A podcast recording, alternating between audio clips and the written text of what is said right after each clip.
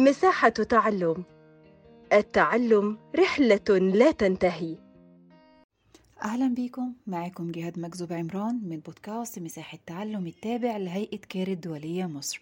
بقدم لكم مراجعة مادة الأحياء للمرحلة الثانوية للعام الدراسي 2021-2022 للمنهج السوداني. ومراجعة اليوم يا أبطال للصف الأول الثانوي الحلقة رقم 9 واللي هنبدأ نتكلم فيها عن الوحدة الرابعة واللي بتتكلم عن الحركة في الكائنات الحية. يلا نبدأ حلقتنا بسؤال وإجابة زي ما إحنا متعودين في المراجعة. وأول سؤال بيقول ما المقصود بالحركة؟ يا ترى إيه هي الحركة؟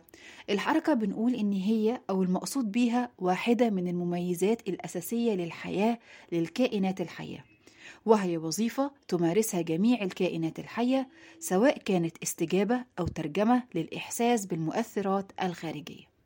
نشوف السؤال التاني وبيقول عدد أنواع الحركة في الكائنات الحية. ومن هنا بنقدر نحن نقول عندنا نوعين من الحركات وهي الحركة المائية والحركة عفوا الحركة المرئية والحركة الغير مرئية يعني حركة أقدر أشوفها بعين المجردة والحركة التانية بتكون غير مرئية مالها بتكون داخل جسم الكائن الحي. تمام. ولو جينا سألنا سؤال تاني وقلنا ما هي أنواع الحركة المرئية؟ يا ترى بتنقسم إلى إيه؟ إلى نوعين وهي الانتقال أو الحركة الجزئية أو ممكن نقول الحركة الكلية والحركة الجزئية. بعد كده نسأل نفسنا سؤال بيقول ما المقصود بالحركة الكلية؟ وهي بتكون حركة بيتم تغيير موضع جسم الكائن الحي بالكامل أي التحرك من مكان إلى آخر والمثال على النوع ده من الحركات بيكون الجري أو القفز أو السباحة أو الطيران لأن جسم الكائن الحي بالكامل بيتحرك من مكان أو من موضع إلى موضع آخر. بعد كده بنسأل نفسنا سؤال تاني وبنقول ما المقصود بالحركة الجزئية؟ وعايزين نعرف بعض الأمثلة عليها. تمام. الحركة الجزئية المقصود بها هي حركة يتم تغيير موضع جزء من جسم الكائن الحي دون انتقال الكائن الحي بالكامل. يعني جزء بس من الكائن الحي هو اللي بينتقل ولكن بقية جسم الكائن الحي زي ما هو. والمثال على كده حركة الأطراف في الإنسان. تاني حاجة غطاء الخياشيم في الأسماك أثناء التنفس. تالت حاجة عضلات الوجه أو اللسان أو الشفاه عند الكلام. مش وشي كله هو اللي بيتكلم لا اللسان بس هو مثلا اللي بيتكلم. أو مثلا ممكن نقول إيه عضلات الوجه مثلا ممكن تتحرك لو أنا ببتسم. الأسماك أثناء التنفس الخياشيم فقط هي اللي بتقوم بعملية إيه بعملية الحركة. بعد كده نسأل نفسنا سؤال بيقول ما المقصود بالحركة بالحركة عفوا الغير مرئية. يا ترى إيه هي الحركة الغير مرئية؟ حركة أنا لا أستطيع رؤيتها يبقى هتكون حركة داخل جسم الكائن الحي. وإجابة السؤال ده بتكون هي الحركة التي تتم داخل جسم الكائن الحي وتشمل جميع الحركات داخل جسمه. أي حركة بتتم داخل جسم الكائن الحي سواء كان نبات أو حيوان أو إنسان تمام؟ بأطلق عليها اسم الحركة الغير مرئية.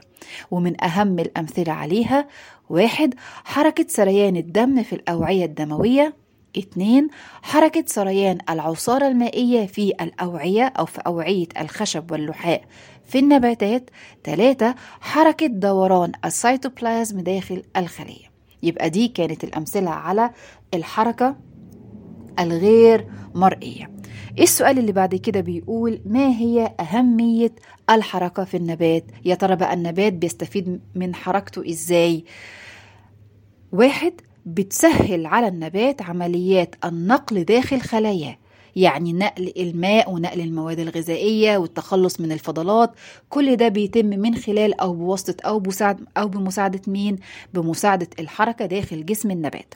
وبتتمثل حركة النبات في شكلين واحد الانسياب الخلوي اتنين دورة السيتوبلازم داخل خلايا النبات. يبقى انسياب خلوي دوران السيتوبلازم.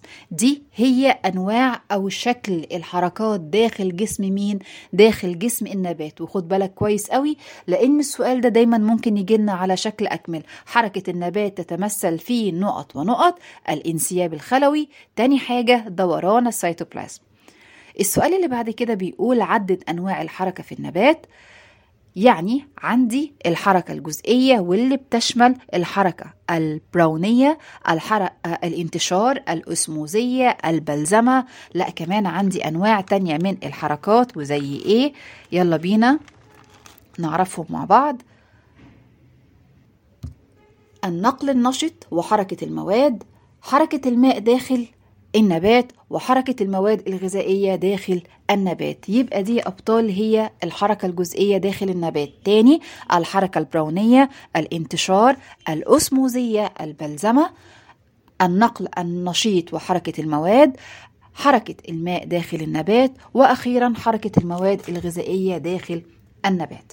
السؤال اللي بعد كده بيقول أو عفوا النوع الثاني من الحركات في النبات هي إيه؟ هي عبارة عن حركات ناتجة عن منبهات خارجية للنبات بيستجيب لها زي الانتحاء الأرضي الانتحاء المائي الانتحاء اللمسي والانتحاء الضوئي. يعني اتجاه النبات لبعض المؤثرات أو بعض المنبهات بتتمثل في الضوء الماء آه مثلا اللمس والأرض. تمام؟ يبقى بكده يا أبطال الأرض كمان إيه؟ الجاذبية. مع الجاذبية أو ضد الجاذبية وهنتكلم عن كل ده بالتفصيل إن شاء الله لما إيه لما يعني إيه كمان حلقة كده أو حلقتين إن شاء الله نتكلم عنها بالتفصيل. يبقى يا أبطال في الحلقة بتاعتنا اتكلمنا عن بداية وحدة الحركة في الكائنات الحية. عرفنا إيه المقصود بالحركة أنواع الحركة العامة إيه كل نوع من أنواع الحركات بينقسم إلى إيه وأخيرا عرفنا أهمية الحركة في النباتات وأنواع الحركة في النباتات. إن شاء الله الحلقة الجاية بنستكمل فيها مع بعض يا أبطال بقية مراجعتنا ونبدأ نتكلم فيها عن الحركة الجزئية في النبات. ذاكروا كويس دمتم يا رب بخير وبسلام وبتفوق. شكرا لكم جدا. كنت معاكم أستاذة جهاد.